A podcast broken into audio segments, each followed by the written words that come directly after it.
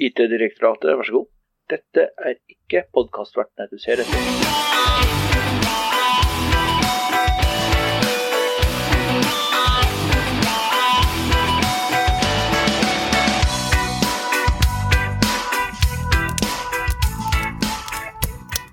Veldig manuell feil der, altså. Velkommen til IT-direktoratet, episode 23, fortsatt på sesong 1. Eh, Jeg har med meg Rikard, som er 0,75 til stede, var det ikke det du skrev? Ja, noe redusert, Noe redusert. men her. Og Andreas er med. Ikke redusert i det hele tatt. Nei, men han er litt sånn lydredusert innimellom. Så, Ja. Ja. Jeg tror fortsatt det er planlagt fra din side. Ja, og så er jo jeg her da, Paul. Og vi har eh, en slags julespesial, har vi ikke det? Mm. Jo. Vi skal vel ikke skryte på oss at vi har forberedt oss altfor mye. Men vi har handlet inn juleøl, da. Eller Rikard har handlet inn eh, juleøl som er som det som skal testes i dag. Jeg vil, si, jeg vil si at det er nok, nesten. Uh, Ja, det mye. Ja, ja, noen av disse ølene var vel kanskje ikke akkurat det jeg ønsket meg, men eh, det som var tilgjengelig på polet, som hadde kort nok leveringstid. Ja, og for sånn, de, de som har hørt på tidligere episoder, da. Eh, sist gang Richard kjøpte øl, eh, så gikk jo han fullstendig ape i den belgiske avdelingen på polet. Eh, det resultatet var at samtlige i, eh, i podkasten eh, fikk eh, litt slagside. En litt slitsom dag etterpå. Ja. Nei, det var Ja. Så jeg har vært, eh, vært eh, noe smidigere på eh, styrken i dag. Men ja, vi har et litt sånn løst program med Jeg har gått til anskaffelse av litt sånn lett julejazz også, som går i bakgrunnen her av og til. Ja, Men vi skal jo gjennom de faste postene. Vi skal jo selvsagt ha øltesten vår, og så skal vi ha Se hva jeg fant på internett med Andreas.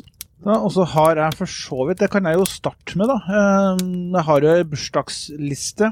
På hva Har du bursdag? Som, Jeg har ikke bursdag. Jeg har, ikke, jeg har bursdag i mai, så det kan eh, Det skal få lov til å vente litt med å feire meg. Ok. Men eh, det her er overraskende nok litt sånn IT-relatert, da.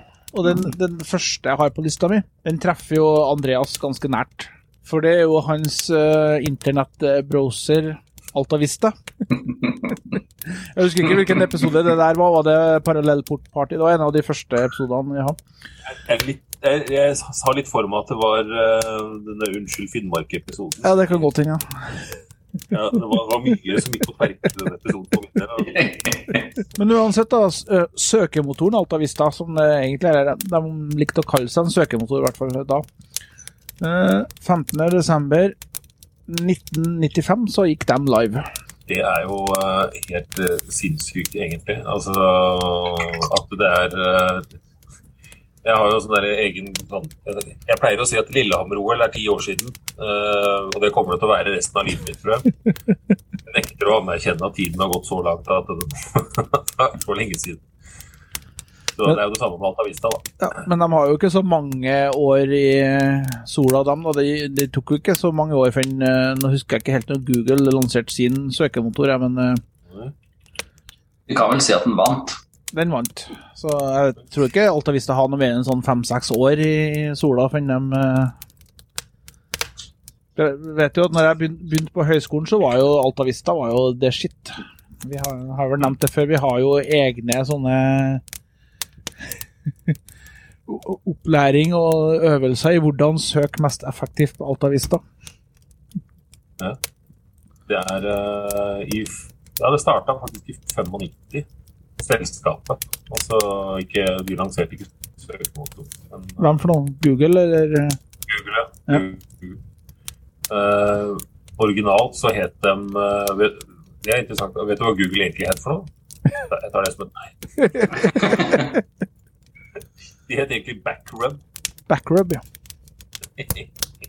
Kanskje greit at uh, ja. Greit på det, føler jeg. Men unnskyld, det var, en, det var en rar måte å prate om at uh, Alta Vista hadde eh, bursdag i dag. Ja, gratulerer, Alta Vista. Google slo deg. Ja, ja, gjorde det, altså. Men vi har jo flere bursdagsbarn i dag. Vi har jo da og Netscape, som kom med sin versjon 1.0 i 1994. Som vel var det jeg trodde jeg prata om når jeg snakka om Atalisten. Det var vel det. Og de har jo lykkelige tider, de helt til Microsoft bestemte seg for å bundle inn IE.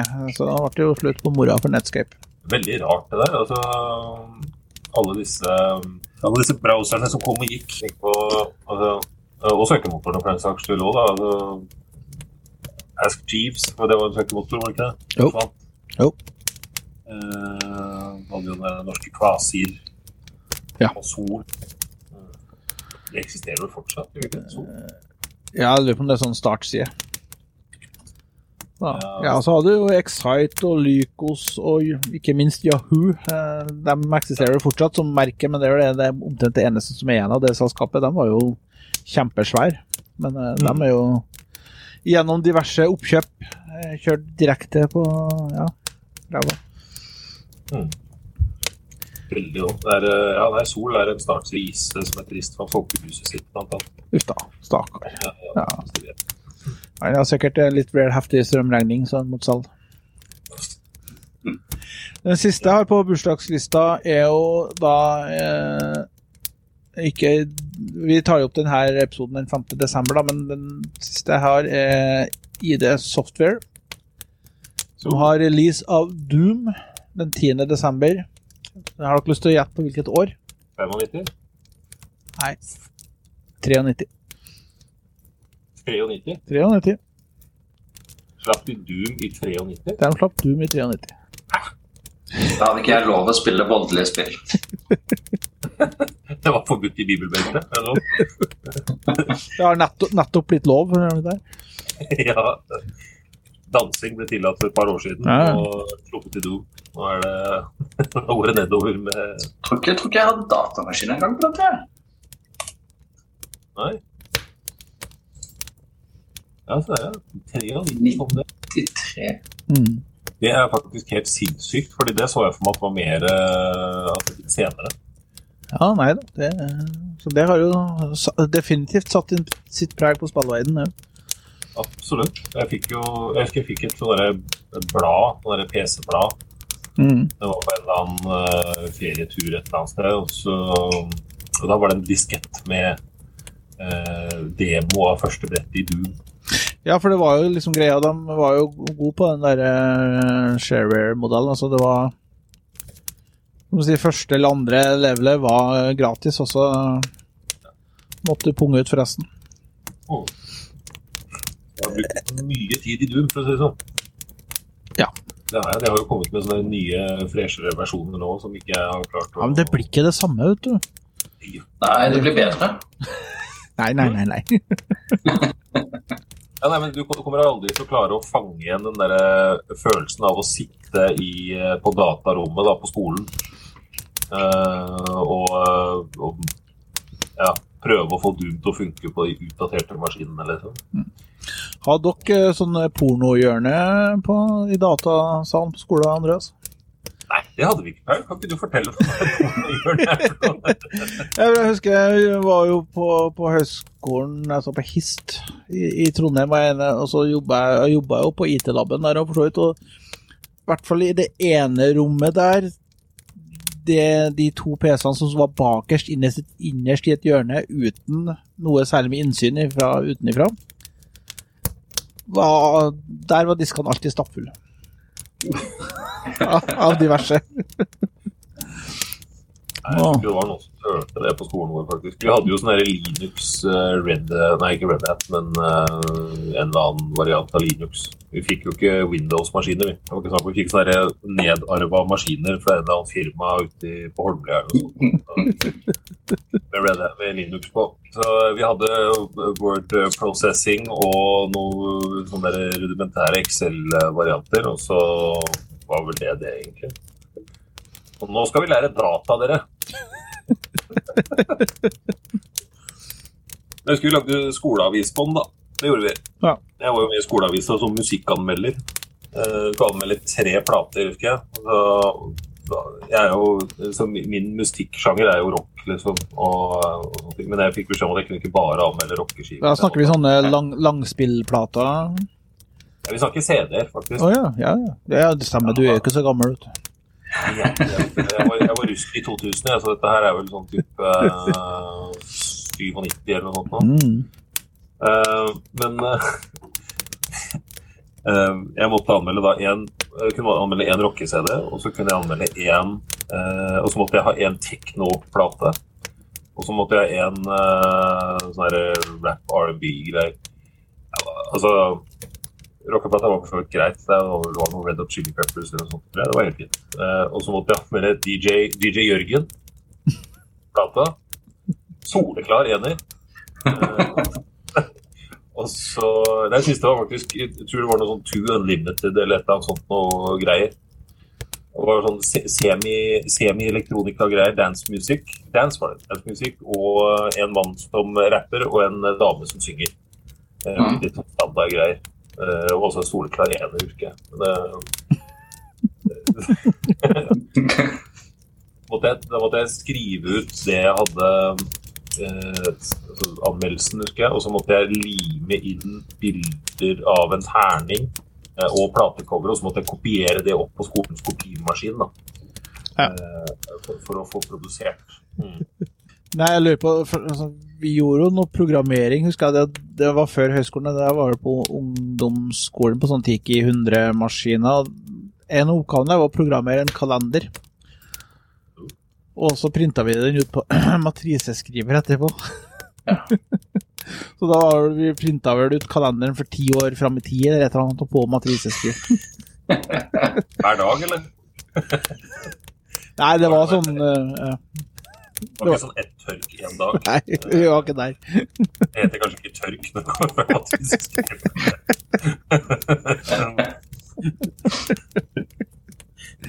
Du skjønte hva jeg mente. Det er litt sånn fascinerende det der med sånn matriseskrivere og sånt. Liksom, at det bare var ett langt ark, på en måte. Altså du bare trykte print, og så bare kom det. Ja, ja, ja. Det var perforert, altså. du kunne jo Var det ikke det? Jo, jo, jo. Det var ikke sånn uh, du skal skrive ut uh, Jeg veit ikke, jeg, jeg brukte Men jeg, jeg så jo for meg det der at liksom, det var jo ikke sånn du, du valgte ikke hvor mange av fire sider du skulle skrive. Nei, det gjorde du ikke. Det var bare uh, skrevet over Det det Ja, ja. liksom. Nei, Siste gang jeg var borti matriseskrivet, var en sånn stort beist som har, vi har når jeg jobba i Post- og teletilsynet, som de brukte å skrive ut uh, sånn lønnsslipper. For det skulle jo være gjennomslag, ute, så det var jo, den sto jo på et eget uh, lydisolert rom, den. Det er såpass, ja. Og når den slutta å fungere, så var det jo litt krise, for da fikk jo ikke folk eh, lønnsslippene sine. Altså, de fikk jo lønn. Ja. Men når man ikke får lønnsslipp, så blir man litt usikker. Har jeg fått lønn, eller har jeg ikke fått lønn? Hva er greia her? Så det var er tomt jo på konto, så Ja. jeg må ha bevis på at eh, Ja, jeg fikk penger en gang.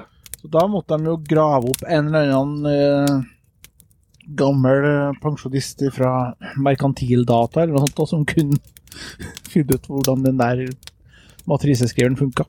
Men da til slutt da, så ble det faktisk digitalisering av lønnsslippen, og den kom ut per e-post. Det var litt Ja. skummelt da, når man ikke fikk lønnsslippen i posthylla si i, i Post- og teletilsynet. Det var litt sånn opprørstendenser. Jeg husker sist gang jeg var borti en uh, matriseskriver, det var da jeg jobba på Elkjøp. Vi eh, holdt jo seg til uh, Ja. matriseskrivere til eh, nesten til de bytta system nå for eh, et år siden. Det er ikke så lenge siden. Altså, de, det er ikke så lenge siden jeg fikk noe matrisegreier fra Elkjøp. Nei, det er nok noen år tilbake, men eh, de, eh, de, de på en måte var jo veldig solide. Ja, ja. De, fun de funker jo sikkert fortsatt hvis du har batterier. Ja, jeg tror ikke de, måtte, jeg tror ikke de kasta dem fordi at eh, de ikke funka mer. Det var mer det at eh, nå var det faktisk på tide å gå over til sånn termopapir, sånn at eh, folk kan miste beløpene fortere. Jeg tenker jeg burde jo egentlig ha en sånn matriseskriver i den panikkassa mi. Ja, Det er egentlig et godt poeng. den, den funker jo alltid. Jeg, ser, har- jeg har jo sånn blekkskriver hjemme, og den er jo alltid tom for blekk, eller så er blekket tørka ut, eller noe sånt noe drit når den skal skrive ut. Vil ikke det være det samme problemet på en matrise? Nei, vi snakker matriseskriver, Andreas. Den feiler aldri.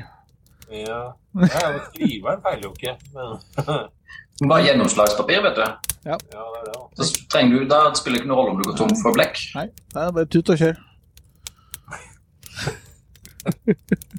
Så da skal jeg sette det på den lista over ting jeg skal ha i den kassen min. En stykk matriseskriver, eh, IBM-tastatur Det feiler jo aldri. Og så IBM PS2, tenker jeg. Det nå er jo eh, rugged. Og du må ha en sånn morse-greie. Morseapparat. Sånn pip, pip, pip, pip, pip. Du kan koble deg på etter hvert telenett. Og så Det er sant. Ja. Katastrofekasse eller sånn sånne kasser, kasse, det har ikke jeg Det skulle- hadde jeg egentlig planer om. Nei, ja. Ja. Du har ikke, du har ikke om- omfavnet ideen så mye. På en måte så har jeg jo det. Altså sånn eh, Jeg har jo Men vi ble vel enige om at vi skulle møtes i Vi skulle ta med våre kasser og møtes i kjelleren til Andreas, for han har øl, var det ikke det som var Jo Det var vel egentlig det vi fant ut, så det jeg regner med egentlig at dere har det meste jeg trenger, og så kan jeg supplere ølene. Ok, så da, da er det pluss én. Mm. Ja, da skal jeg, jeg skal ta noen som noterer det, sånn at jeg husker Ja, der ser jeg min tak er høyde Ja, det må jeg jo Ja. Mm. Nei, men altså, jeg tenker eh, Altså, en, en ting jeg har gjort, da, jeg har skaffa meg en sånn, derre, sånn uh, grønnsakshage holdt jeg på å si, i vinduskarmen. Sånn som, eh, med sånn IR-lys og som uh, håndterer alt sjøl. og det lurte jeg litt på om jeg skulle gjøre i dagens pod, da, fordi jeg dyrker chili på den. Ja. Eh, Piri piri chili. ja, den er skummel. Jeg ser at det er en av de som er modne. Eh, Så jeg har lurt litt på om jeg skulle mot slutten av episoden i dag spise den. Og så bare liksom gi en liten tilbakemelding da. Ja.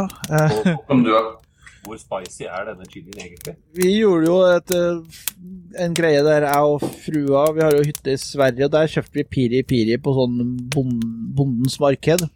Ja. Den er, den er jo relativt liten, og så tenker jeg ja, det heter piri piri. Hvor, hvor sterkt kan det være når det har et sånt søtt lite navn, ikke sant? Piri piri er Og så skulle vi lage eh, Var det kjøttsuppe eller et eller annet sånt nå? Og så skulle vi spice den opp litt. Rønne.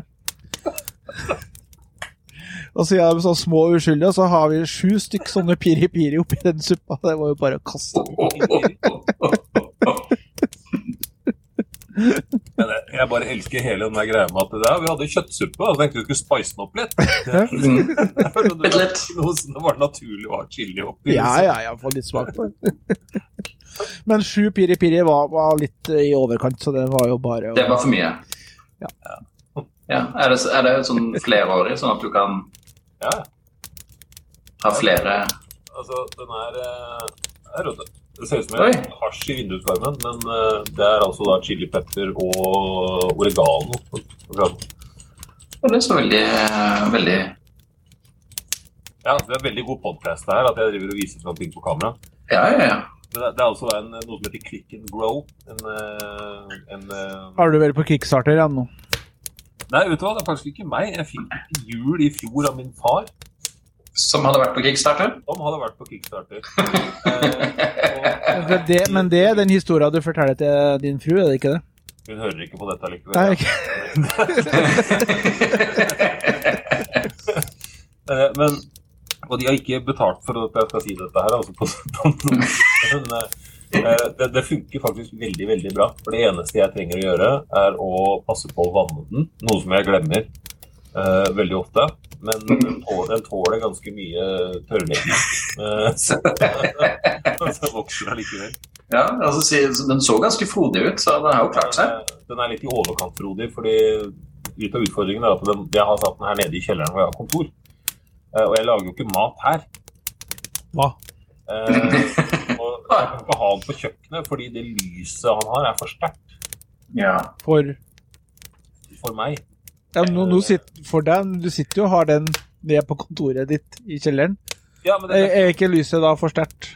nei, fordi den, eh, den er sånn, det går på en sånn syklus at den har eh, lyset mm, på i eh, åtte timer, og så av i eh, 16 timer, eller hva det er for noe. Eh, Ja. Omvendt. Den har lyset på i 16 timer og av i 8 timer. Og det funker helt fint eh, her nede på kontoret, hvor jeg da sitter i 8 timer stort sett da, på, på dagtid. For da er den av.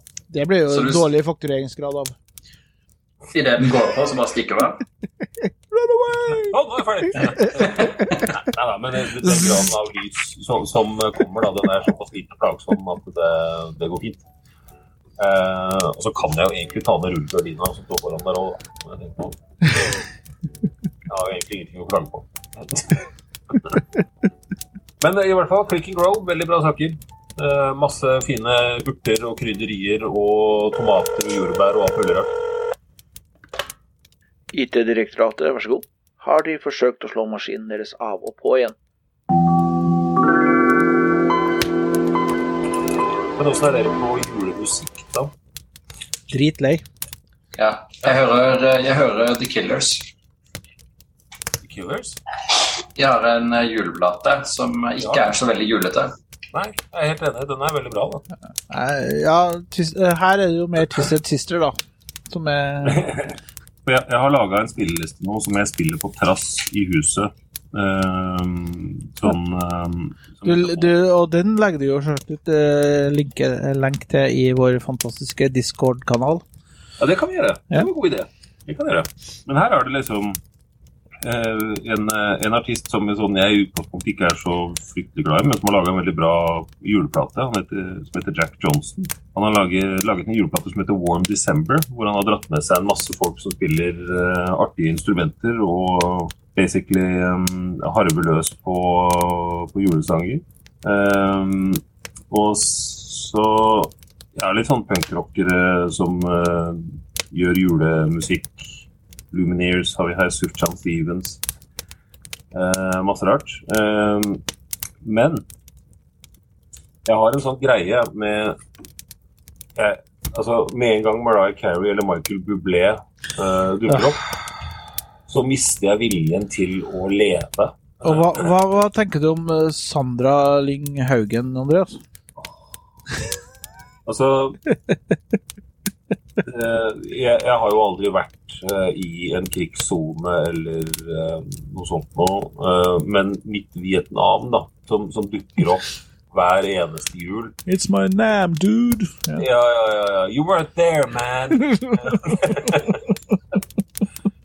Det er da besøket mitt på Ikea, hvor eh, plutselig de annonserte når jeg står der eh, med, med, med en pose telys i den ene hånden og, og en billig hylle i den andre hånden, eh, så annonserer de høyt og tydelig som en eh, overraskelse til våre kunder eh, kommer nå Sandra Lyng Haugen til å fremføre julelåter ved kassene. Jeg, jeg kom meg ikke ut. Jeg kom meg ikke ut, Paul. Jeg ble jeg ble, jeg ble fanget. Så, jo, Sandra Lyng Haugen, sikkert en kjempeålreit dame, for all del. Men rent musikalsk så er det ikke min kopp med te. Nei. Det må være lov å si. Nei, så Det er jo en del sånne låter som, og artister som gjør at man rett og slett blir aggressiv. altså, jeg sliter jo litt med når folk, eller artister, skal tolke uh, Fairytale of New York. Eh, og, der har det jo kommet diverse norske utgaver. Vet jeg, nei.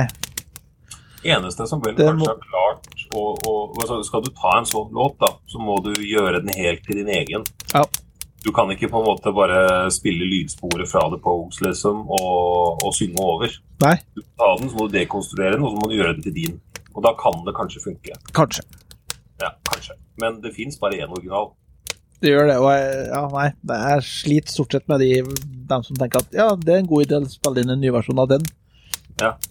Ellers, altså, Jeg er egentlig ganske fan av covere som bare gjør ting helt annerledes. Uh, det, det liker jeg. Men det som har blitt eh, Det her er kred til deg, André. Altså. Det som har blitt en julehit i vår heim, er jo den der eh, The hat I got for Christmas is too big. det eh, har blitt en vinner i Husmo Svanningheimen. Ja, den er nydelig. Det, det, det tror jeg var før Var det før Richard sin tid i, i selskapet, Paul? Eller var det Nei, det kan det ikke ha vært. Det var bare at du var ikke i samme bil. Stemmer Ja, det? det, du spilte den på vei opp til Norefjell, husker jeg, for en del års Eller del år siden, Ja. et par år tilbake. Ja. Det er helt riktig, fordi da vi kom opp på Norefjell, Rikard, så satt du og frøys i et hjørne og pakka deg inn i sauene. Som en gammel dame. I, ja. mm. Ja, helt riktig. Ja. Eh, Men uh, the hat, I, the hat I got for Christmas, uh, The den hat I got eh, for Christmas is too big. Ja. It's nice, but my sombrero is too big. Så Var det det har jo eneste da sangen dere spilte på hele veien opp, eller? Ja, det var flere, men det var vel den som slutt. Den satt. Ja. Ja, den, satt. ja. den var, eh, den, eh, men den skal også inn på den lista. Da. Den kan, eh, kan, legge, kan legge ut den etterpå. Men, men, vi- men det har jo slått meg at det er jo Mm. Når du begynner å høre på diverse sånne playlister, så, så autogenererte, gjerne fra Spotify osv., så, videre, så Utvalget av julelåter som spilles, er jo ekstremt lite. Ja. Og Mariah Carey og Åh. jeg er med på alle sammen. Ja, jeg vet ikke hvor mange ganger jeg har hørt Mariah Carey uten å ville det. Men det er, det er Den, mange ganger. så er det jo da Wam. Wam, Ja, altså, Men heller den. Jeg hører heller den sånn eh, konstant i et døgn enn Mariah Carey. på denne spillelista mi så er det en versjon av uh, Last Christmas uh, som er sunget av uh, en som heter Frank Turner, som er en sånn veldig sliten punkrocker. som er fantastisk. Helt nydelig. Nå skal jeg jo innrømme da, et eller annet når det kommer til Mariah Carey og uh, All I Want for. Christmas. Det fins jo da et videoklipp fra da jeg var innleid hos et selskap som ikke eksisterer lenger, som heter Frontica. Ja. Ja, hvor jeg og noen til mime til teksten til All I Want for Christmas. Ja. Er du engasjert, Paul? Ser det ut som du vil dette? Det verste er at det gjør jo faktisk det. Det her sitter litt langt å innrømme. Nå har jeg, jeg har ikke sett det videoklippet igjen eh, etter det julebordet, men eh, et eller annet sted ut der så finnes det et videoklipp av Paul Svanning som mimer etter eh, All I Want for Christmas Is You.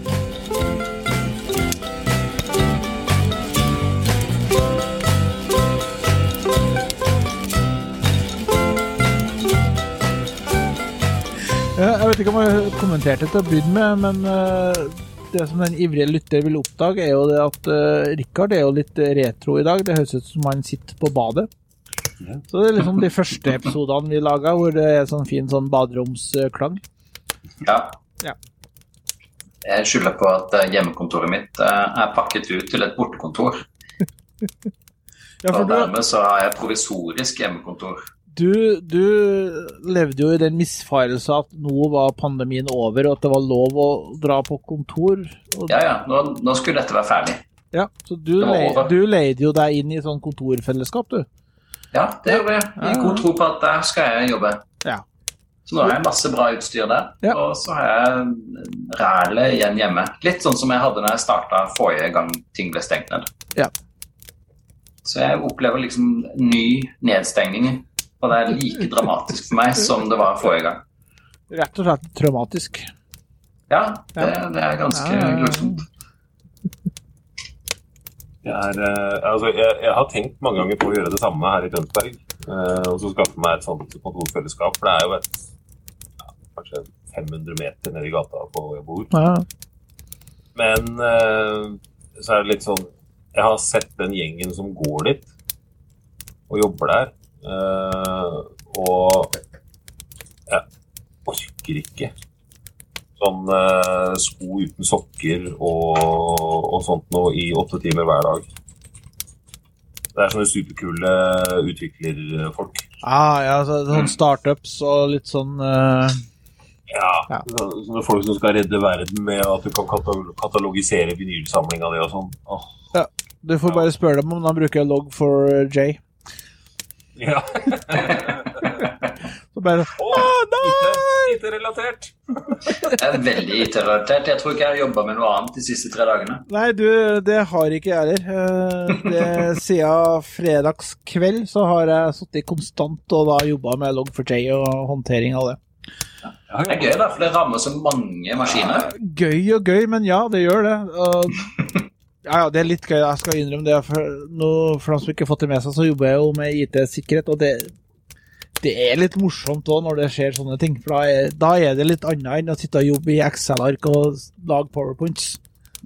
Da, så, men, men ja, det er den log4j. Eh, for dem som har levd under en stein, eller som ikke jobber i IT-verden, så er jo det en hva skal man si, en ekstremt stor sårbarhet i et bitte, bitte, bitte lite bibliotek som brukes i det meste av uh, programvare rundt omkring i verden.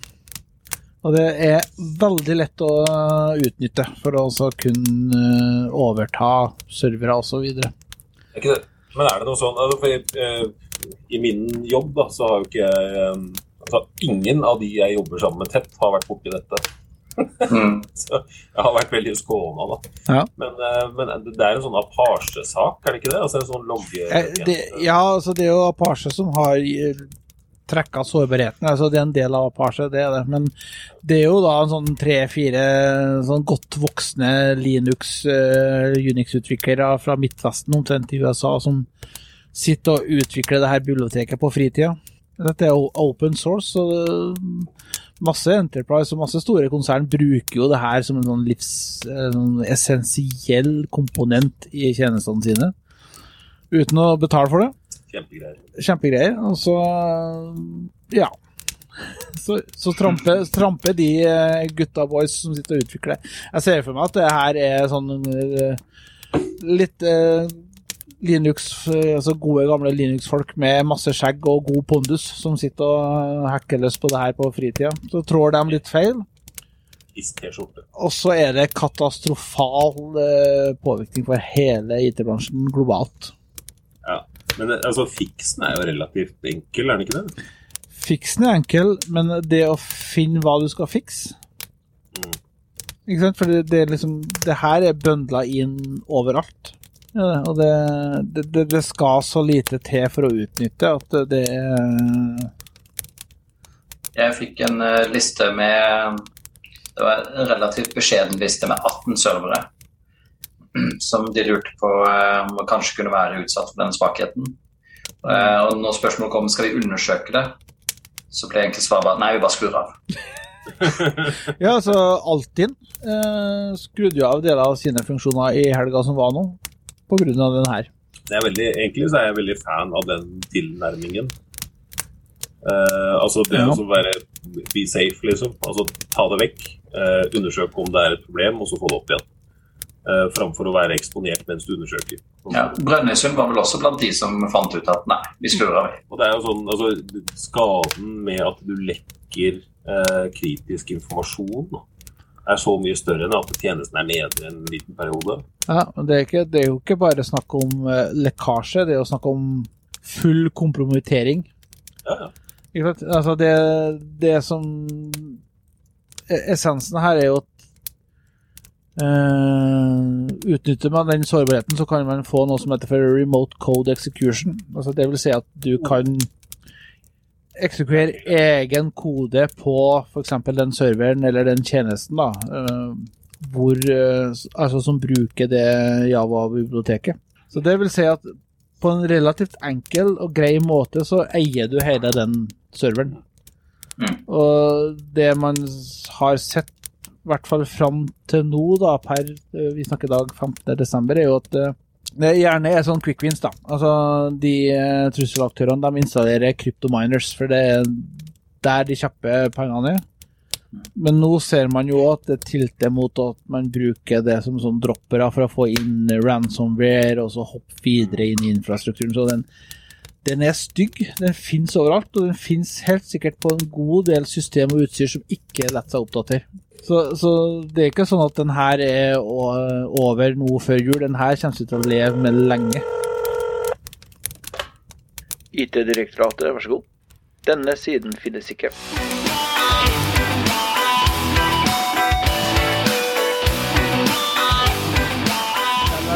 Har jo sett dem som har satt inn på SSID på sine trådløse nett og sånt. Da. Så det er jo Ja, for det er jo en sånn egen greie, det der å ha morsomme SSID-navn. Jeg liker den der Pretty Fly for a Wifi. Ja. Det synes jeg er fint. Uh, drop, drop it like it's hotspot. Panic at the Cisco. Uh, I'm not a witch, I'm your wifi. Chance the router. Ja, skal vi se. Er det nabolaget ditt du snakker om nå? Eller? Nei, nei, nei. Dette er, Dette, dette må være en liste over de beste SSI-ene. Jeg har, jeg har, I mitt nabolag så har jeg veldig mye Getbox og Telia, ser jeg. Ja, ja, Ja. Telenor, mye av det. Men uh, Wu-Tang Land, den er jo morsom. Noen har Iron Man. Ja. altså, noen har da hos meg forbanna nabo.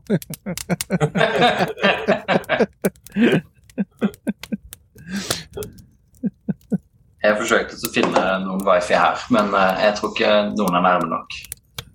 Nei, du bor på Sørlandet, du. Der. eh. Vi skrur av wifi-en klokka åtte, så da, Ja, da er det kveldsandakt. Ja, Ja. så da skal ingen ha wifi på. Da er, det, da er det bare jeg som har glemt å skru av mine. Jeg finner både PlayStation 5 og sant. PlayStation 4 og jeg finner liksom Du blir mine. brent på bålet. Ja, det er bare spørsmål om tid. Ja, ja, ja. Ja, jeg har en i nabolaget som har Winternet is coming. Oh. Det er nesten så det fortjener en premie. Ja, jeg syns det. Jeg skal henge en pepperkake på døra hans.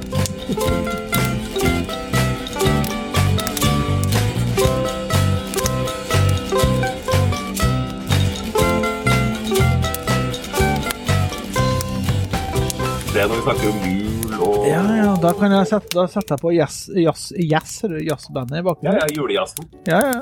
Eh, Nå er vi tilbake igjen fra en liten pause, Andreas. Du har noe på hjertet som du vil ha ja, jeg del har, Ja, jeg har et, spørsmål, et spørsmål, egentlig. Det, det Ja, er ja, ja. mer til, til deg, Paul. Kanskje ikke så mye til Richard. Eller jeg, la, la, la det være litt åpent.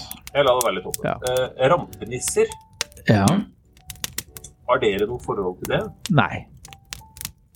Ikke noen av dere? Nei, altså vi ja, frua vi snakka om det for noen dager siden. Vi konkluderte med at vi er for gamle. Ja.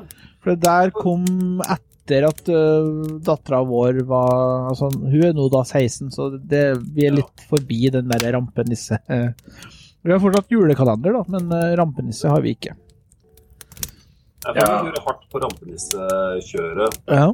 Det, det gjør vi. Eh, Og de, de, de finner på mye rart. Altså, nå har jo vi revet peisen hos oss.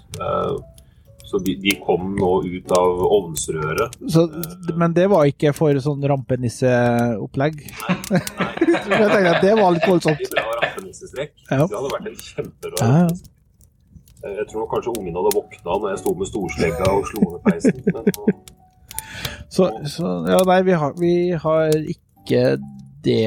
Vi har eh, Vi har jo den kalend adventskalenderen, men så har vi jo sånn eh, eh, Vi har nissekjerringpakke, og så har vi julestrømpe. Nissekjerringpakke det stammer fra mora mi. da, så uh, når vi var små, så har alltid så sto en sånn nissekjerringpakke ute i gangen som var på en måte en sånn pakke som var utkledd f.eks. som en nissekjerring eller et eller annet sånt. da. Og den videreførte henne til dattera vår, så hun drev og sendte mens hun fortsatt var i live, så drev jeg og sendte det nedover eh, hver jul. da. Så, men etter at hun døde, så har jo vi videreført den. hva- hva- eh, Jeg skjønte ingenting av hva det var. Ni Nissekjerringpakke. Ja, Nissekjerringpakke. Ja, det er jo sånn som julestrømper, ikke sant. Eh, Ja, sånn på julaftens morgen, liksom. Ja, ja. Men den er liksom pakka inn og utkledd som en eller annen figur, da. En nissekjerring eller eh, Ok, Så det er en stor pakke som er kledd ut som Ikke en stor pakke, en liten pakke. Som En for, liten pakke som er kledd ut. ja, som eksempel står ute i gangen eller noe sånt. da. Det kan være Hvordan, hvordan kler du ut en pakke? Ja, det lurte jeg på.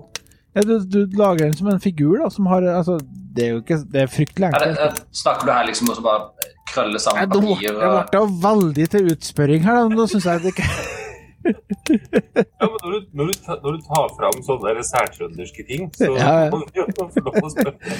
Nei, men, men altså, det er jo, er jo bare en enkel liten pakke med noe godteri som på en måte er forma som en figur, da, som en nissekjerring eller en nisse eller et eller annet. Og så står det 'til bla, bla, bla' fra nissekjerringa. Ja, Så det er ikke mer spennende enn det. det, er egentlig den der julesokken, da, sånn som vi har. Eh, Ja, men vi har den i tillegg. Ja, for det er to tradisjoner som møttes når jeg og Tone flytta i lag, så Åssen er blodsukkernivået hos dere? Sånn rundt- Veldig høyt. veldig høyt. Alle driver og krabber opp i gardinene og Ja, ja. Nei, så der er det litt uh, godteri og tegneserier og ja. Ja, for det, det var sånn for min del da når jeg vokste opp, så var det det, det jeg våkna til på, på julaften, var jo den der julesokken som lå nederst i senga. Eh, Jeg ville påstå at julestrømpe høres bedre ut enn en julesokk. jeg vokste opp på Oslo øst. Det er sant. En Jeg ser for meg sånn litt sånn sliten sånn dressmannsokk som ligger nederst i dressmann, dressmann, mann. Vi hadde ikke dressmann hos oss. Vi hadde alle sokkene. Alle sokkene Paule var lagerbøff. Lagerbøff, alt sammen. Det var, det var, sånne, det var, det var jo de der julesokkene som du kjøper, strømpene da, som du kjøper på eh, butikken, som var fullt med klementiner og godis og sånn. Og gjerne et julehefte som jeg ikke var interessert i. Altså Stumperud. Ja, ja. sånt.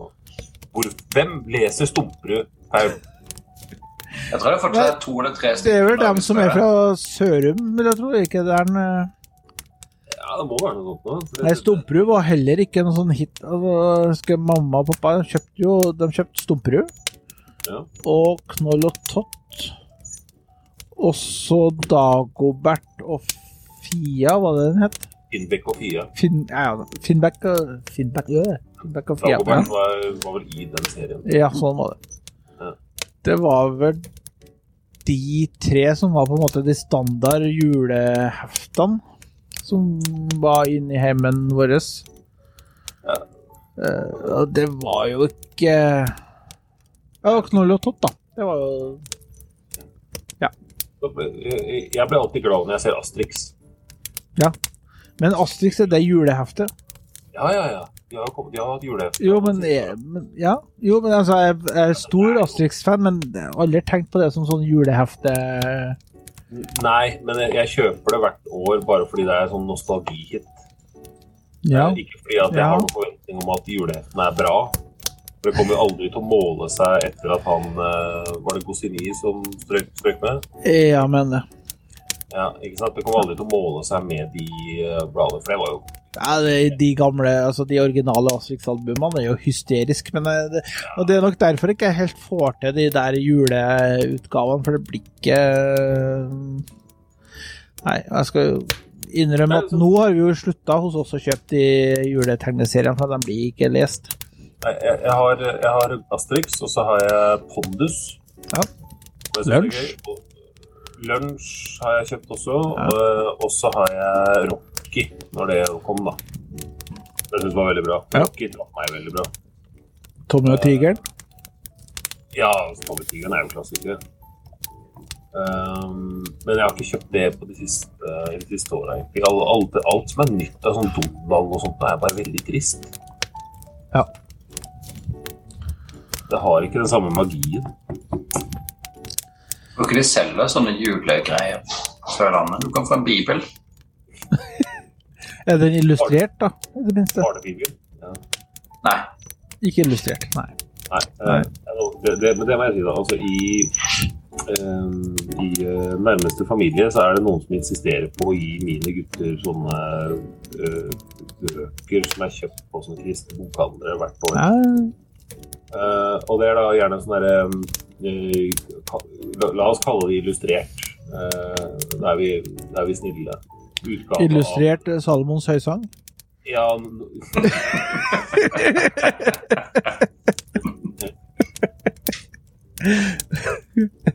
Brystet var som gaseller. Ja. Ja. Men det er sånn en type Noahs ark og Ja, ja. Uh, han derre uh, Bjotten som dro hjemmefra og brukte opp alle pengene sine og kom hjem igjen og sånn. Han uh, den bortkomne sønnen og sånn. Uh, og liksom Altså, de, historiene er liksom eh, For meg, da, som er sånn, det må jeg bare si med en gang, ateist, eh, så, så er, byr det meg imot å egentlig lese de historiene i det hele tatt. Ja. og, og dette vet de som gir disse bøkene, veldig godt. Men de gjør det allikevel. De har sikkert en indre glede av å gjøre det, de bare gnir seg innom es. Yes, det er helt riktig. Så det er sånn, hver eneste jul så må jeg sitte og lese Eller, fordi altså, De, de syns jo det er gøy å få en bok, ikke sant? Ja, så du, de, ja, for, ikke sant, de er ikke eldre enn at de forventer at det her skal pappa lese til meg. Ja, Han er jo fem, ikke sant? Han syns jo dette er helt supert. ja. ja. Har, har, du, har du vurdert å da gå til anskaffelse av en flanellograf og bare illustrere det og gjøre voiceover på den måten i stedet? Eh, Hva for noe, sa du? Flanellograf? Må googles. Nå, nå, nå ble jeg veldig gammel her, følte jeg for nå. For dem som, nå er jo det her lydmedium, så dere ser jo ikke de to spørsmålstegnene og, og guppy-facene som lyser mot meg her. Har, har dere ikke flanellograf på skolen? Hva er en flanellograf? Hva, hvordan skal, altså det er jo, Flanell vet du ikke hva er for noe, ikke sant? Ja, det er, det er sånne skjorter som hipstere går med. Ja, for så vidt. Og det er jo rett og slett et tavle av flanell med figurer av flanell.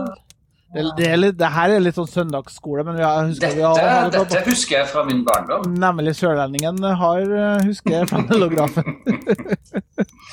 Så kan For det er alle de figurer som du kan Du har en bakgrunn ja, ja. ja, ja. som du kan feste figurer på. Så kan du Ja. flytte de rundt og Ja, ja, ja. Vi hadde kommet Mm. bilder på en murvegg, vi. Så, så kan du da Og jeg på at Du får eh, Jeg lurer på om det ikke fins en, eh, en webshop, det gjorde i hvert fall det før, hvor du kan kjøpe flanellografer, Andreas. Så kan du illustrere de historiene som du får tilsendt i bokform, og så kan du liksom gjøre en ordentlig sånn god gammeldags Andreas voiceover på det. IT-direktoratet, vær så god. Use sword to kill troll.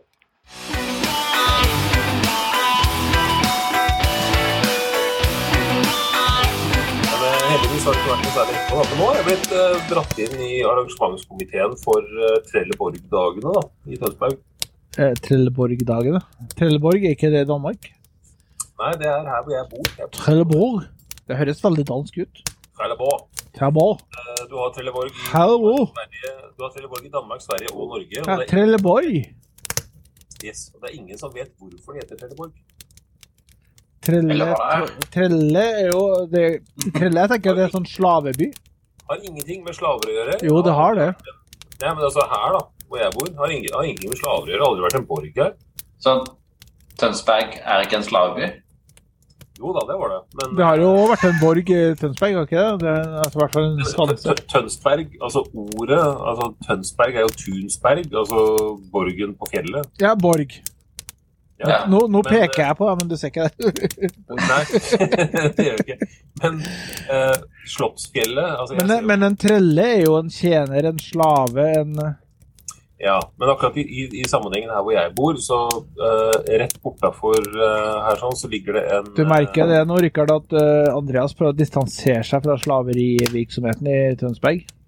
Ja, det, Absolutt. Ja. Eh, eh, men rett bortafor der hvor, der hvor jeg bor, så er det en uh, kaller det en elv eller en fjord eller hva, whatever. Altså, det er en annen sånn Vann. Elv eller fjord? Jeg er usikker på om det er ferskvann eller saltvann, skjønner du.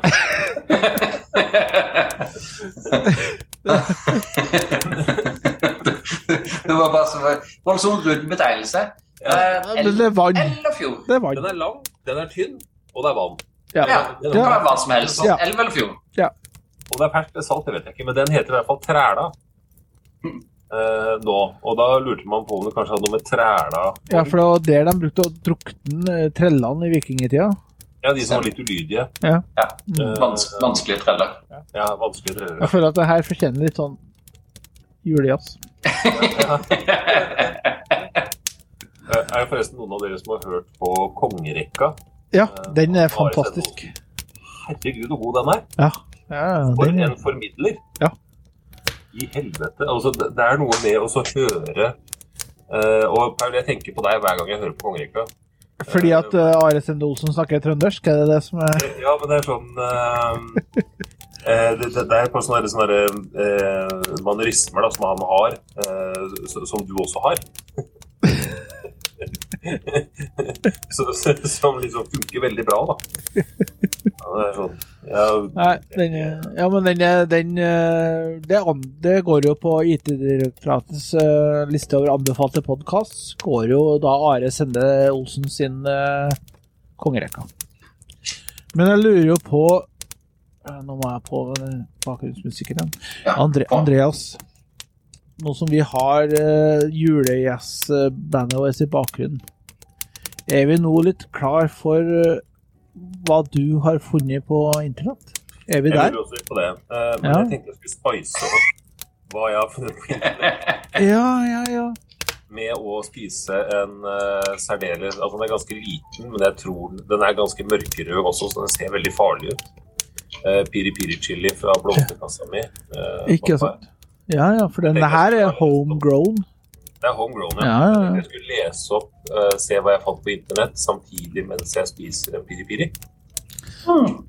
Her snakker vi desperat forsøk på å få nye lyttere. Ja, ja, men det, jeg tror det funker. Vi får det. Ja. OK, down the hatch.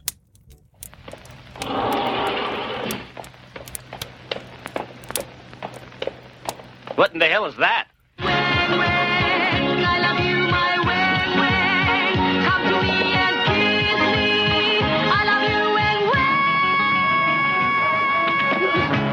You, wang wang. Interpol here.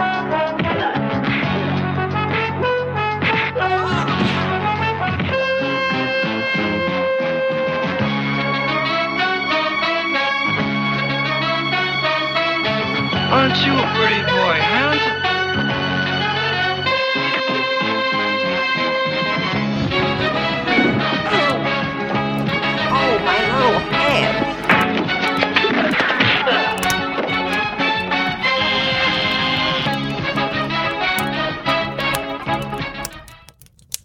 Such a little guy, though. Very petite, like a potato. Yeah, let's go. Jeg har to ting. oh. Du må jo ikke spytte den ut i ølen din, da.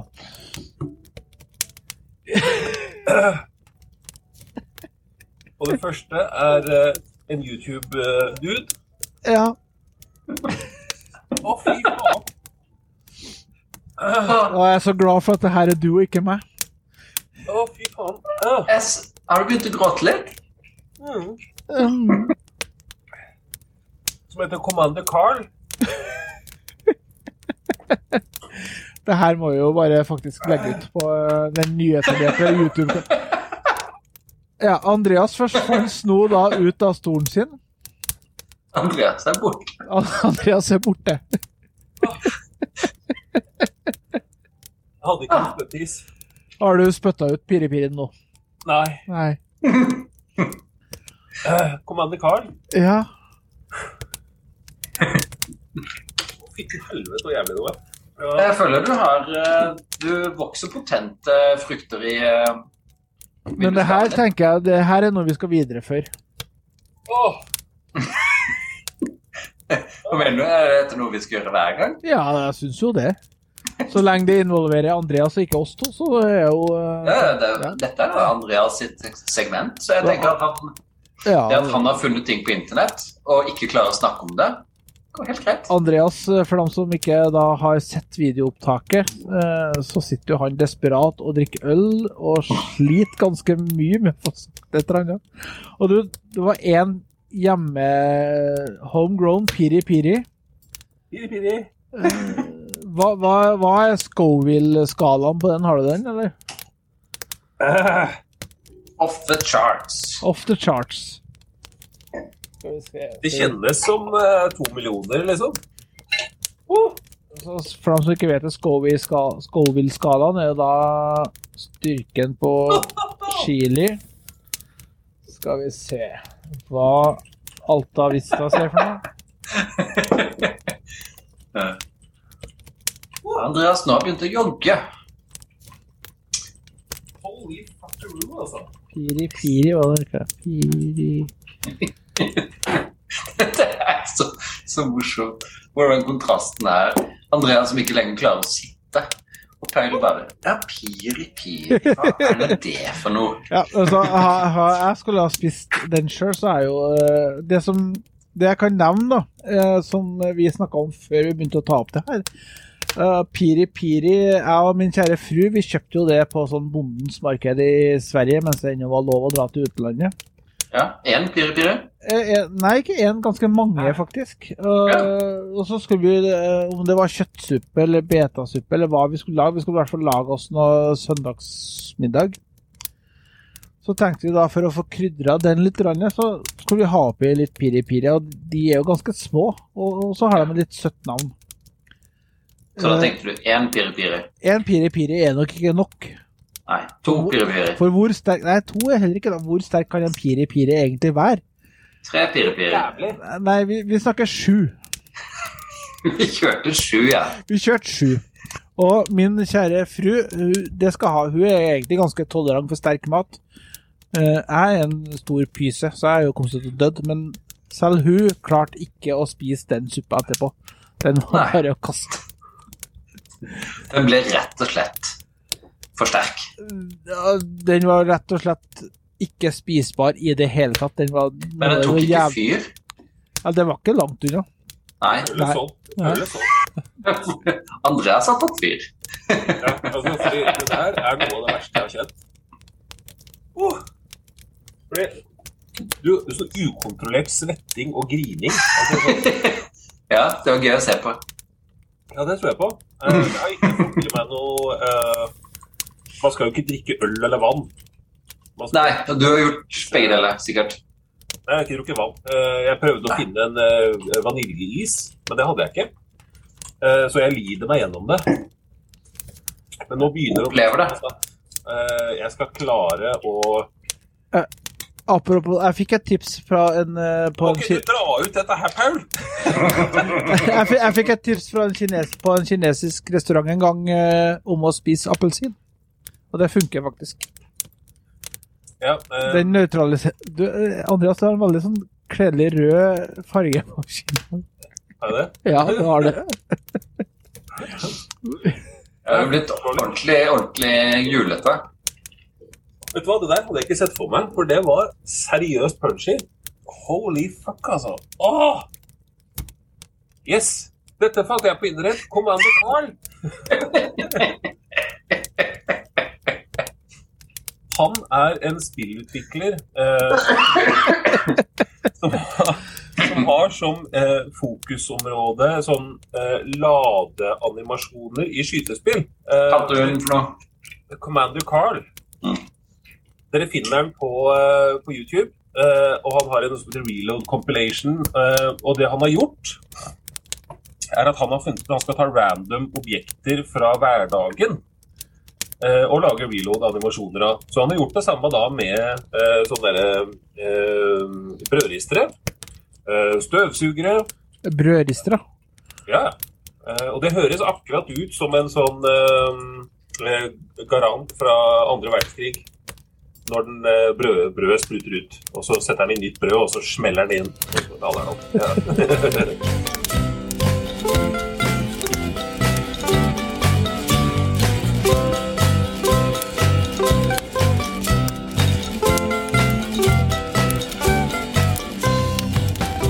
Andre tingen som jeg hadde på Å, unnskyld. Helvete hvor sterkt det her var. Jeg liker sterk mat. Ehm, og, og sånt noe, men dette ble litt for heavy, faktisk. Oi, unnskyld. Det var ikke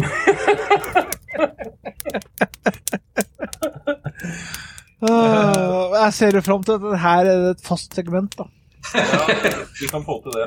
Uh, andre tingen som jeg har eh, tatt med på uh, min CV jeg fant på internett, er en nettside som heter Badass of the Week, som jeg har blitt eh, ganske fascinert av. Eh, Badass of the Week er basically en nettside hvor de går gjennom tøffe personligheter fra historien, og det er eh, det er menn, det er kvinner, det er eh, biler, eh, det er alt mulig rart. eh, som har gjort insane ting. Eh, og det er én spesiell eh, fyr her jeg tenkte jeg skulle dra fram, eh, som er en danske. eh, som eh, har eh, Herregud, jeg sliter.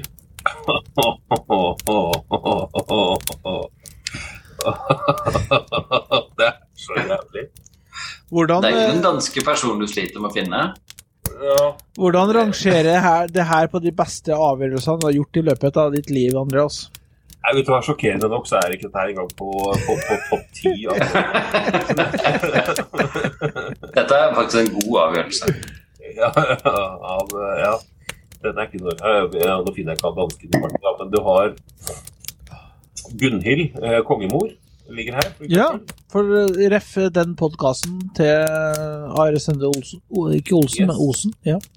ASD Osen, ja. Og det er massevis av eh, interessante historiske personligheter her. Eh, Men, men igjen til Gunhild Kongemor, da. Eh, hør podkasten til Are. Hun er badass. Ja, og det som er så fascinerende da, med kvinner i historien, er at de ofte har eh, blitt nedskrevet, for å kalle det for det. Ja, ja. Fordi de er kvinner. Ja. Eh, men Gunhild Kongemor altså, Men at ingen har plukket opp disse kongesagaene og laget en uh, HBO-serie eller miniserie av det, for det er jo fantastiske historier. Men, men uh, ja, som sagt, lenkene til her det skal vi eh, legge ut på vår sånn lett overbefolka Discord-server.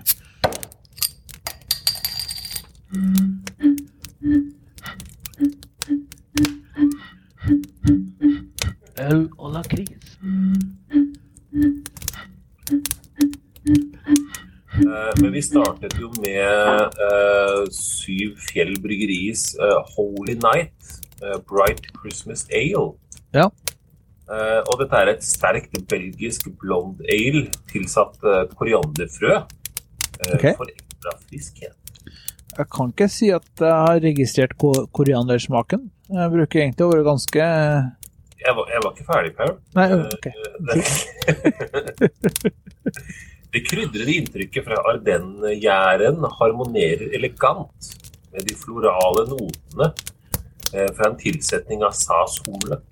Det hele rundes av med et mykt maltpreg hvor toner av, eh, toner av korn, kjeks Kjeks. og honning. Kjeks. Hvordan kjeks? Gir øl en elegant og kompleks kropp. Det er det de sier om meg også. Jeg har en elegant og kompleks kropp. Og en smak av kjeks? ja. Nytes best til kalkun, eh, lutefisk og juletorsk. Eh, julens lettere forlystelser, hva det måtte være for noe. Du kan jo jeg for så vidt starte, da. For at uh, Hva er det jeg har notert ned her? Uh, det stemmer jo det med at eh, det kanskje funker bra til kalkun, og for så vidt kanskje da lutefisk. Jeg er ikke noen stor lutefiskfan, men eh,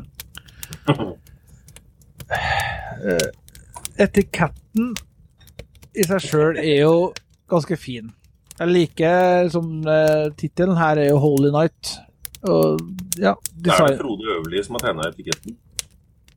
Kanskje det?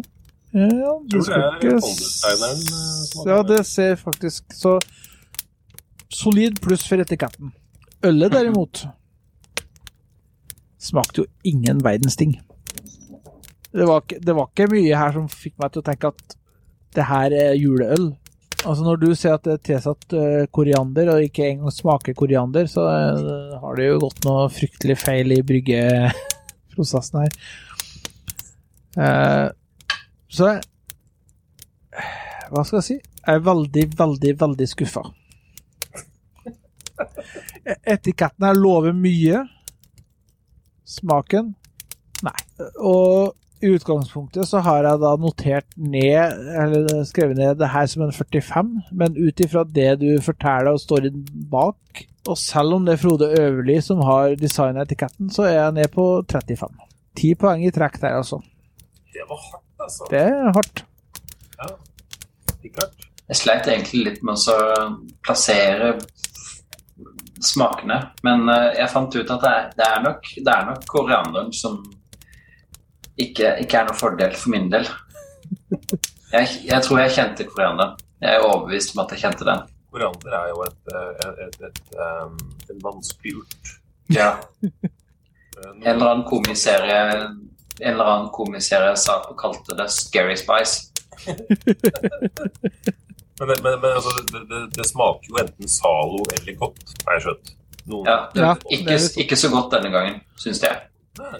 Så jeg, jeg har skrevet uh, 40 på den. Eh, Jeg er jo litt sånn at eh, jeg liker jo litt sånn lette øl.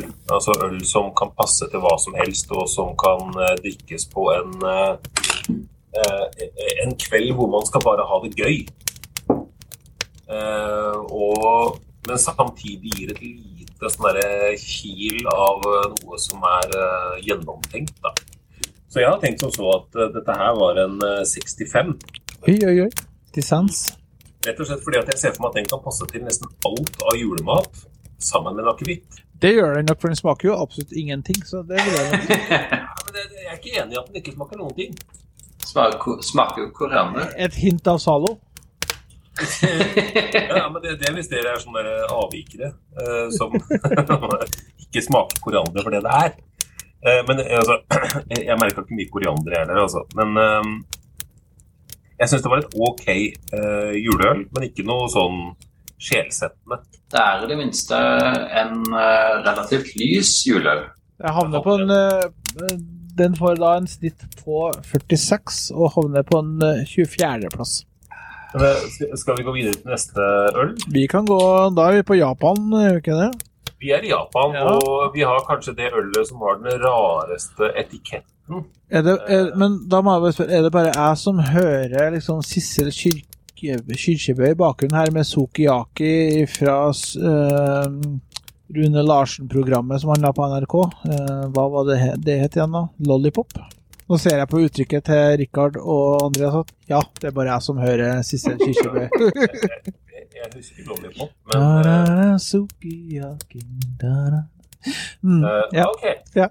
Eh, eh, vi hadde altså da et, eh, et japansk ingefærøl eh, Ja. som heter Hitachino Nest Ginger Ale. Yes. Som er et eh, Og den etiketten Jeg må nesten bare beskrive den litt sånn kjapt. Altså Det er da en eh, eh, et, et barn, jeg har lyst til å kalle det for det, Ja. eh, som har et, et hode som da er to ingefærrøtter. Ja. Mens han holder da en ingefærøl. Ja, men altså, den er jo da også da brygget på folk som har uh, det hodet. Uh, det, det, det er litt rart. Eh, men eh, blurben på dette ingefærølet er at det er et kremet og fint ingefærpreget eh, med streif av tørket frukt, mandel og karamell. OK.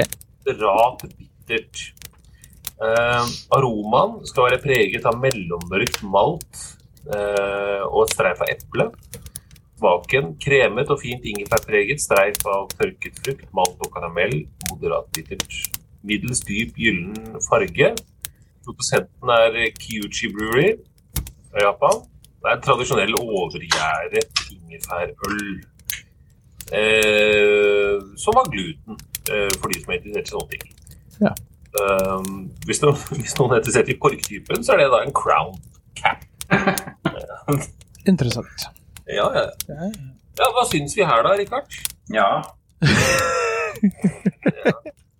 Van, vanligvis er jeg, jeg synes de beste ingefærølene er de ølene som på en måte er brygget som øl, og så er tilsatt ingefær. Ja. Mer enn de som kaller seg ingefærøl, som egentlig er en slags brus eh, som man har tilsatt sider og ingefær. For dette er jo produsert som et eh, øl med tilsatt ingefær. Ja. Eh, men dette smakte også veldig drops, ingefærdropsaktig. Mm. Eh, så jeg følte liksom ikke det var, jeg, jeg, Det var ikke så veldig ølpreg over det egentlig, syns jeg. Eh, men jeg syns det var eh, et, et, et lett øl å drikke. Det Det, det gikk fort ned. Ja. Så jeg havner nok på, på, på 65 totalt. Jeg var litt sånn at Med en gang jeg tok en slurk av det, så tenkte jeg bare dette her er japansk. Okay. Det var liksom ikke noe tvil. Altså, dette her er fra Japan. Hva, hva, da er jeg litt sånn nysgjerrig. Hva er det som preger japansk øl? Eh, nei, nei, altså Det har ikke noe med nødvendigvis japansk øl å gjøre, men eh, i hylla bak meg her, da, som ingen ser, eh, så har jeg både japansk gin og japansk rom og japansk whisky og i det hele tatt.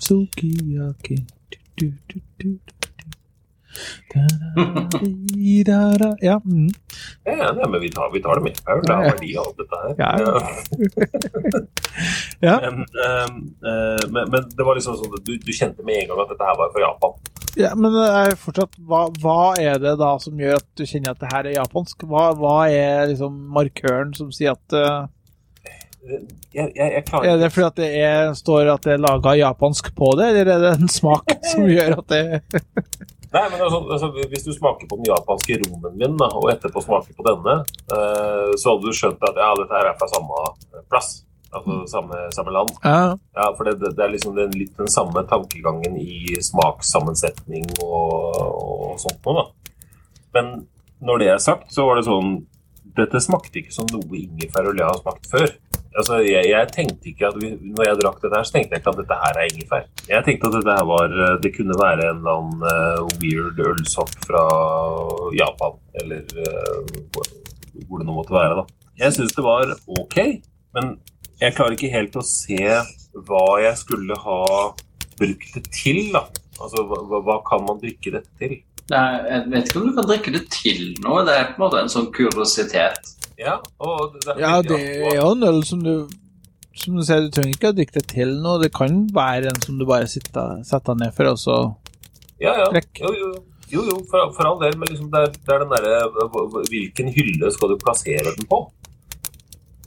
For, for, for det har jeg slitt litt med å definere, da. Altså, hvor skal Det jeg er den hylla bak deg sammen med den japanske ginen din og den japanske Sammen med den japanske rommen som jeg ikke har drukket dråpe av siden jeg kjøpte for fire år siden.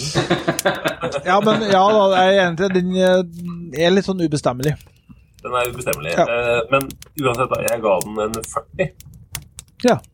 av 100. Fordi den eh, ga meg veldig lite. Altså, det var, det var morsomt å ha prøvd den.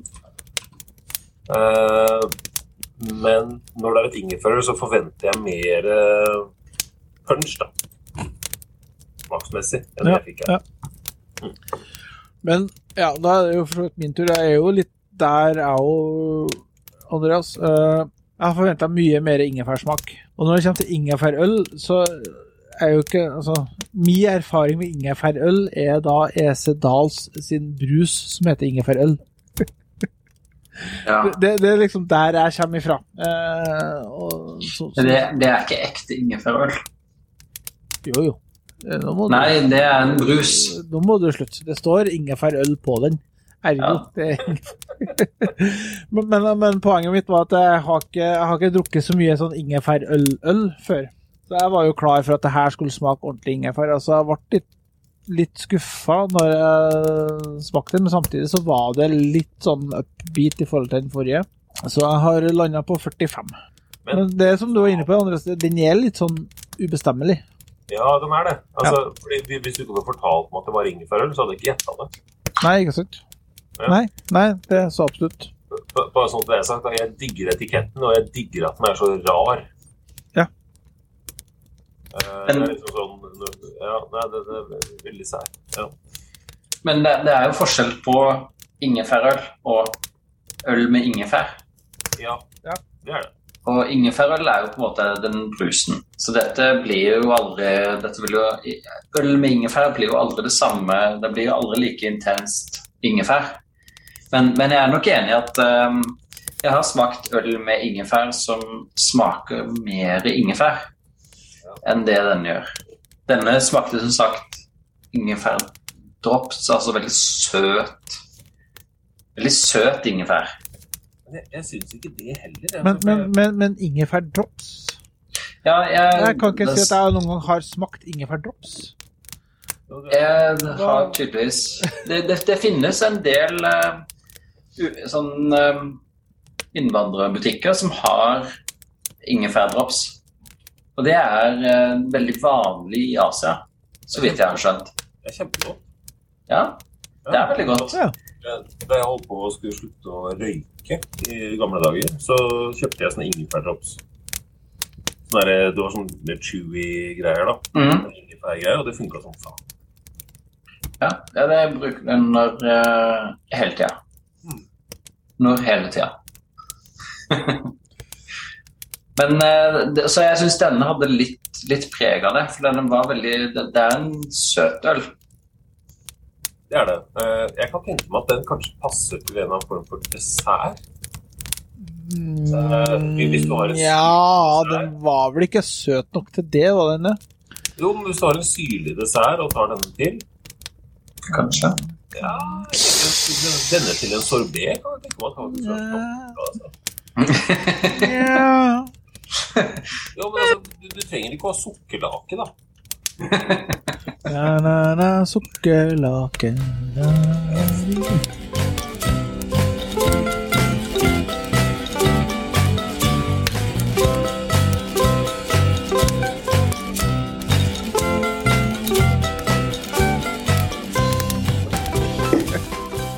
Neste øl. Hva, blir totalen av Paul? Eh, Den endte opp på Skal vi se 48 Og det er hvilken plass? Så den gikk eh, inn på plassen foran eh, Sju fjell, som vi drakk i stad. Så den er jo da den nye 24.-plassen. Å ja. ja. Men det er jo ikke verst, da. Enda en 24.-plass. Så det betyr det Altså, det vi har lært av det, Rikard, er jo det at alkoholprosenten på dem du har bestilt denne gangen her, er for lav. For det har vi jo sett før. Jo høyere alkoholprosent, jo høyere havner man på lista. Men eh, eh, neste øl på lista vår, Ja. eh, det er Fredrikstads juleøl klasse F. Paul, Ja. siden du sitter og danser, så kan du få lov å begynne. Eh, Ja, da må jeg finne notepad. Skal, skal den ikke introduseres noe som helst? Jo, det, det kan vi gjøre. Jeg kan begynne med det mens du leiter. Eh, Ja. Fredrikstads juleøl Ja, klasse ja, F. Kan du skru opp jazzen litt? Eh, Jeg føler det er for lite jazz. Takk skal du ha. Eh, Dette er et eh, klassisk juleøl med stor fylle og mye smak. Likevel elegant og lettdrikkelig øl som kan nytes til mat, eller bare for seg selv. Passer også til søte retter og tyngre mat. Anbefalt serveringstemperatur mellom 8 og 12 grader. Eh, Fås kun på 0,33-flaske.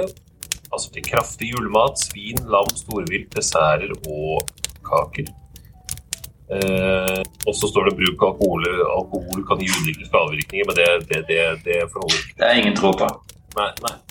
Så vær så god, Paul. Altså, der har jeg jo da notert Endelig så har vi noe som smaker som juleøl. Da. Eh, og nå skal jeg ha sagt at jeg var litt skeptisk for Fredrikstad Pilsteren. Den er Den står ikke så veldig høyt. Den er veldig kjip. Så det her var jo. Nei, men vi har snakka ganske nedsettende om den før, vet jeg. Vi har ikke offisielt testa den.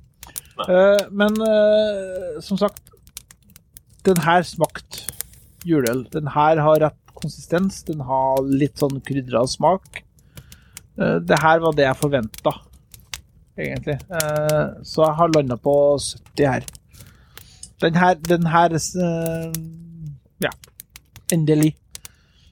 Det, og det kan være fordi at kanskje de to første ikke traff den der juleøl-viben, men Fredrikstad sin juleøl gjør definitivt det. Ja, men øh, altså, jeg vet ikke åssen det er med dere to andre, da, men jeg har jo anmeldt disse ølene uavhengig av juleølknaggen, da. Ja, men det mener jeg det blir feil. Jeg gjør det ikke. det. Altså, Ja, det, ja, jo, altså kanskje den for så vidt den som det står eh, som er uh, ingefærøl, ja. men idet det står juleøl på den, eller Christmas ale eller whatever, så er det liksom Da putter den seg inn i en kategori. Det putter i en kategori, det forplikter. Jo, jo, men vi er jo egentlig enige, Paul. fordi altså, Det jeg tenker, da, det er at jeg anmeldte ginger alen eh, basert på at det var en ginger ale. Eh, og så anmelder jeg Fredrikstads juleøl basert på at det er en juleøl. Ja, men hadde det, sagt, hadde det vært ginger Christmas ale, så hadde det jo Ja, det hadde vært noe. Ja. Ja, ja. Yes, men det er vi. Eh, men da, da kan kanskje jeg ta og kommentere, litt, da. Ja. Eh, Jeg, jeg likte den der brent, litt sånn brente, mørke smaken. Ja. Eh, Jeg syns jo dette her var en av de um, Altså, det var, det var et godt øl. Eh, Jeg ga det det samme som deg. 70 av 100. Ja. Syns det var en, en, et solid innslag. Eh, Det kunne vært litt sterkere. Hva, hva mener du? Kjøper det for svake øl? Ja, du gjør det denne gangen. Du, du skuffer. Ah, Men eh, sånn summa summarum så har det vært et, det var et veldig godt øl. Ja, det var det. Selv om det er på andre siden av fjorden fra der hvor jeg sitter, eh, så, så, så må jeg si at de var OK. Ja. 70. ja, jeg, må nok si meg relativt enig.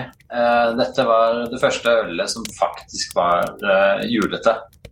Som Mm. smakte litt uh, Som jeg kunne, kunne på en måte tenke meg å drikke som et juleøl. Uh, og for, for min del da, så var det heller ikke for mørkt, for jeg er ikke så kjempeglad i mørkeøl. Uh, men denne var på en måte akkurat uh, lys nok til at uh, den funka fint.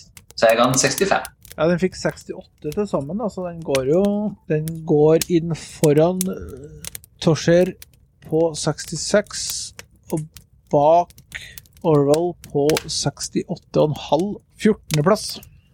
14.-plass. Ja, det var ikke verst. Men eh, skal vi gå og hoppe elegant videre til det siste ølet? Ja, det skal vi, vet du. Eh, Dette var altså da Nødende Øs god jul. Ja. Ikke ekstra god jul, men god jul. ja, sånn passe god jul. Passe god jul. Ja. er Egentlig det vi alle trakter etter. Ja, så akkurat passe. Dette her er altså da en mørk og sødmefull, tydelig humlebitter ettersmak. Eh, mørk rødbrun farge. Eh, hint av urter og sjokolade. Ja. Eh, ja. Skal vi begynne med alkoholprosent på 8,5? Eh, halvliters flasker. Eh, Rikard, begynn med deg. Ja, jeg, som nevnt, er jeg ikke sånn eh, voldsomt glad i veldig mørke øl. Og denne, denne faller fort på den litt mørke skalaen for min del. Og eh, selv om den har på en måte innslag av eh, alle de elementene som, den, eh, som, du, som du nevnte i introen, så blir den ikke, den blir ikke mer enn gjennomsnittlig god for min del. Så den havner på, på en ikke uakseptabel 50.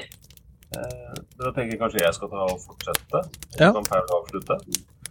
Eh, For meg så var dette her eh, dagens beste. Eh, Jeg likte Altså det var veldig sånn komplekst smaksbilde på ølen. Eh, Jeg syntes det var mye som skjedde på en gang. Eh, Det er mulig jeg er litt farget av at det reddet meg ut av piri-piri.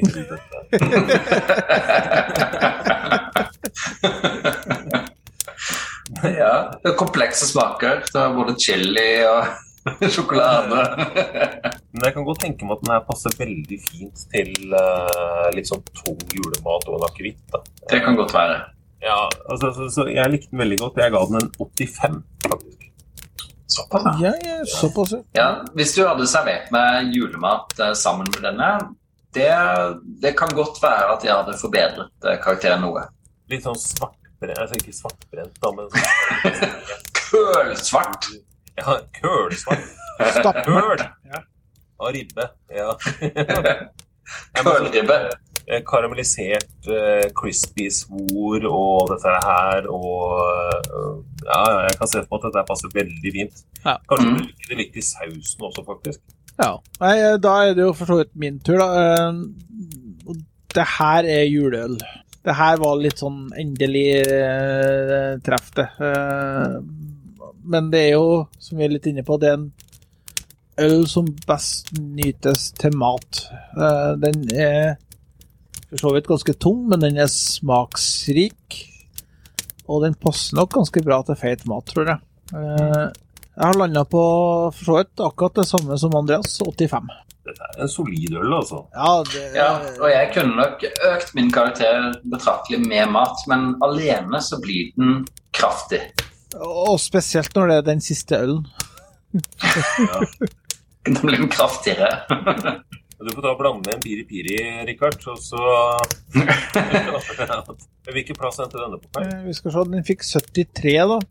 Den havner på en delt niendeplass. niendeplass Ja, det er med Maria Bonita. Nei, Den som ligger på topp, da, er en økende Tiger trippel med 85 poeng. Det er nummer én. Og så har vi Ghost Chili Claus på 84. Ja! Og så har vi hva så her, Vanderland Nektarin Ale. Det måtte være veldig full når vi skåra den, tror jeg. Eh, 82,5, som er tredjeplassen. Så Gamma Ray American Pale Ale på en fjerdeplass med 75,5. Jeg må bare si jeg legger merke til altså, andre- og tredjeplassen. Hvem var det som kom med de? Og det tror jeg, Ja, ikke sant. Og Chili Claus, det var forrige episode. Og den andre var episoden med han Eh, Svein Egil. Ja. Ja. Ja. Så, så jeg, jeg vet ikke, men jeg tror det har noe med gjestene å gjøre. og, og, og generelle stemninga i episoden. Men, men det er klart, når du legger til én person uh, som kan gi karakter på en øl, så vil den jo nødvendigvis få en høyere poengsum. Eh, fordi De kan ikke gi en lavere poengsum enn de andre. Det står jo faktisk i kontrakten som det, som du blir, når du blir invitert. Så- Ja, ja. Ja, det er klart, altså hvis, hvis han gir 50, og vi andre gir uh, whatever det måtte være, da, så vil den jo sånn snittmessig komme høyere ut. Eh, Den vil jo ikke det. Hvis alle andre gir 70, men gjesten gir 50, så går den jo ned. Det er sånn gjennomsnitt Det er jo ikke sånn at jeg deler på snittet, så ja. Men, men, men vi, vi, vi bruker jo ikke snitt, vi bruker jo totalsum. Og så deler vi det på noe. Gjør vi det? Eh, Ja, altså Nå har jeg gitt 85, og du ga 85, og du, Rikard, du ga 50. 50. Eh, Hvordan blir det da 73? Andreas Det er hvis du legger det sammen, og så deler på tre. Ja. deler, deler du på noe. ja. Greit. Ja, det, Så det blir et slags, slags gjennomsnitt, kan vi vel kanskje kalle det. ja. Hvordan ser de business-casene dine ut? Eh, jeg har folk til sånt. Ja. Det er en annen type matte. Ja, det er en annen type matte. Det er helt riktig. Eh, men altså eh, Kjører men, noe gjennomsnitt men, men, men da står jo poenget mitt seg fra tidligere, da, uansett. Nei. Nei. Jeg har valgt ut- gode øl.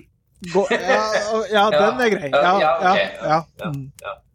Du har valgt ut god øl, og så har jeg valgt ut best øl. Ja, det har du. Ja. Og så har jeg valgt eh, Hvis du ser på det, det som ligger på bunnen her, da, så tror jeg kanskje det er mine som er Der har du jo eh, tredje sist, da, så er det uh, Acotid Raspberry Sour. Ja, stemmer, den husker jeg, for Ja. den var så vond. Ja, ikke sant? Og den har uh, 7,5 poeng. Av en eller annen grunn så har de tatt den inn på polet her på, eh, på Lillesand. De hører, de hører på podkasten vår. Jeg tror det. Den, den sto ikke i ølhylla før, men nå står den der faktisk. Og så nest sist så har du da Lucky Jack Grapefruit Edition med ett poeng. Det var deg, ja. ja. Ja da, og så har du jo den ultimate klassikeren på Worst Beer Ever, som foreløpig som sier da er Showstopper med et halvt poeng. Det er navnet sitt, da. Ja. ja, det var en showstopper. Det Ja. er Og med det så tror jeg vi skal runde av den her eh, ju julespesialen da, med litt sånn eh, julejazz i bakgrunnen, så tror jeg vi rett og slett sier takk for i år. Takk for Takk, takk. See you on the other side. Vi kommer tilbake neste år med samme sesong. Gjør vi ikke det? Vi gjør det. Jeg, jeg har vært Samme sesong, bare bedre. Ja. Kan alltid bli bedre. Yes. Vi skal prøve. Ja. Vi lover vi skal prøve. God jul og godt nyttår. God jul og godt nyttår. Vi snakkes. Ha det. Cheerio! Er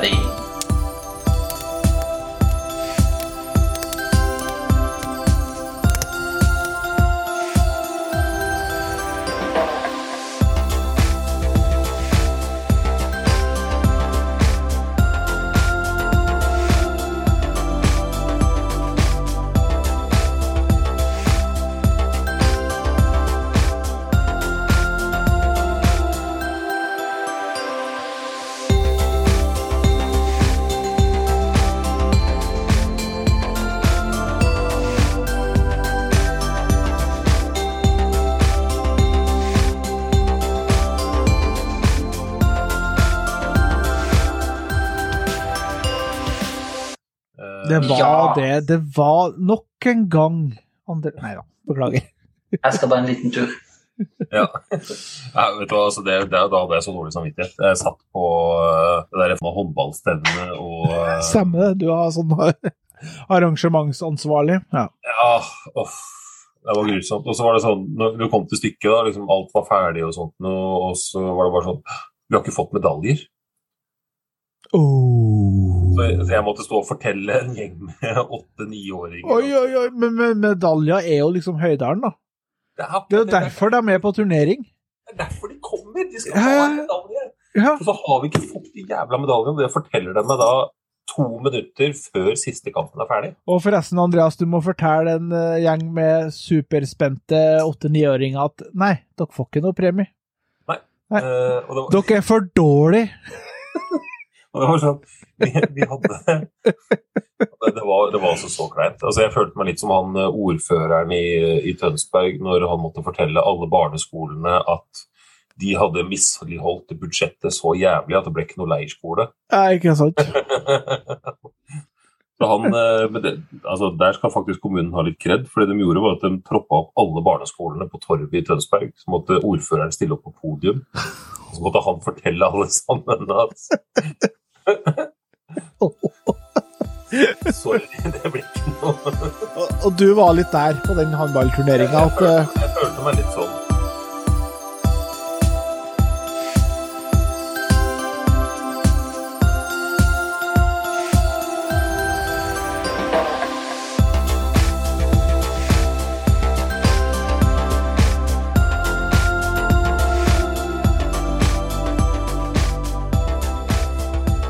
Å gjør din egen greie Er ikke det et godt uh... Det burde vi gjort en egen spesial på. jeg bare kjører voiceover på et eller annet. flanellografpodden? Ja, og sånn der drunk history-opplegg. Ja. Hadde vært lett med på det. Nei da. Men eh, så du har ikke ikke engang på barneskolen, Andreas? Ingen flanellograf? Nei? Jeg, jeg visste ikke at det hadde et navn engang. jeg. Eh, Rikard fikk litt sånn flashback. eh, Hele barndommen min er nå plutselig blitt uh, oppsummert i et ord.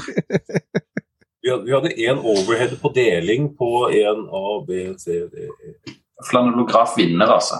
Vi hadde en overhead på deling på syv klasser, uh, husker jeg. Uh, og og så var det sånn derre Vi måtte ta de der foilene, så kunne du tegne på dem. ikke sant? Ja, ja. Lysark. Ja, Og så måtte de vaskes etterpå. Å ja, ok, der snakker vi lavbudsjetts uh... Det var ordentlig trist, altså. Og så, hvor mange ganger la man på de feil vei? Du la den gjerne opp ned, bak fram. og- Det, det der var 90-tallets USB. Ja. Eh, altså, du, må, du må bomme minst én gang før du treffer. Og det, det verste er at jeg tar meg Idet jeg ikke får en, en annen sånn USBC-dings til funk, så tar jeg meg i å ta den ut og så snu den og sette den inn på nytt igjen. USB i blodet. Yes.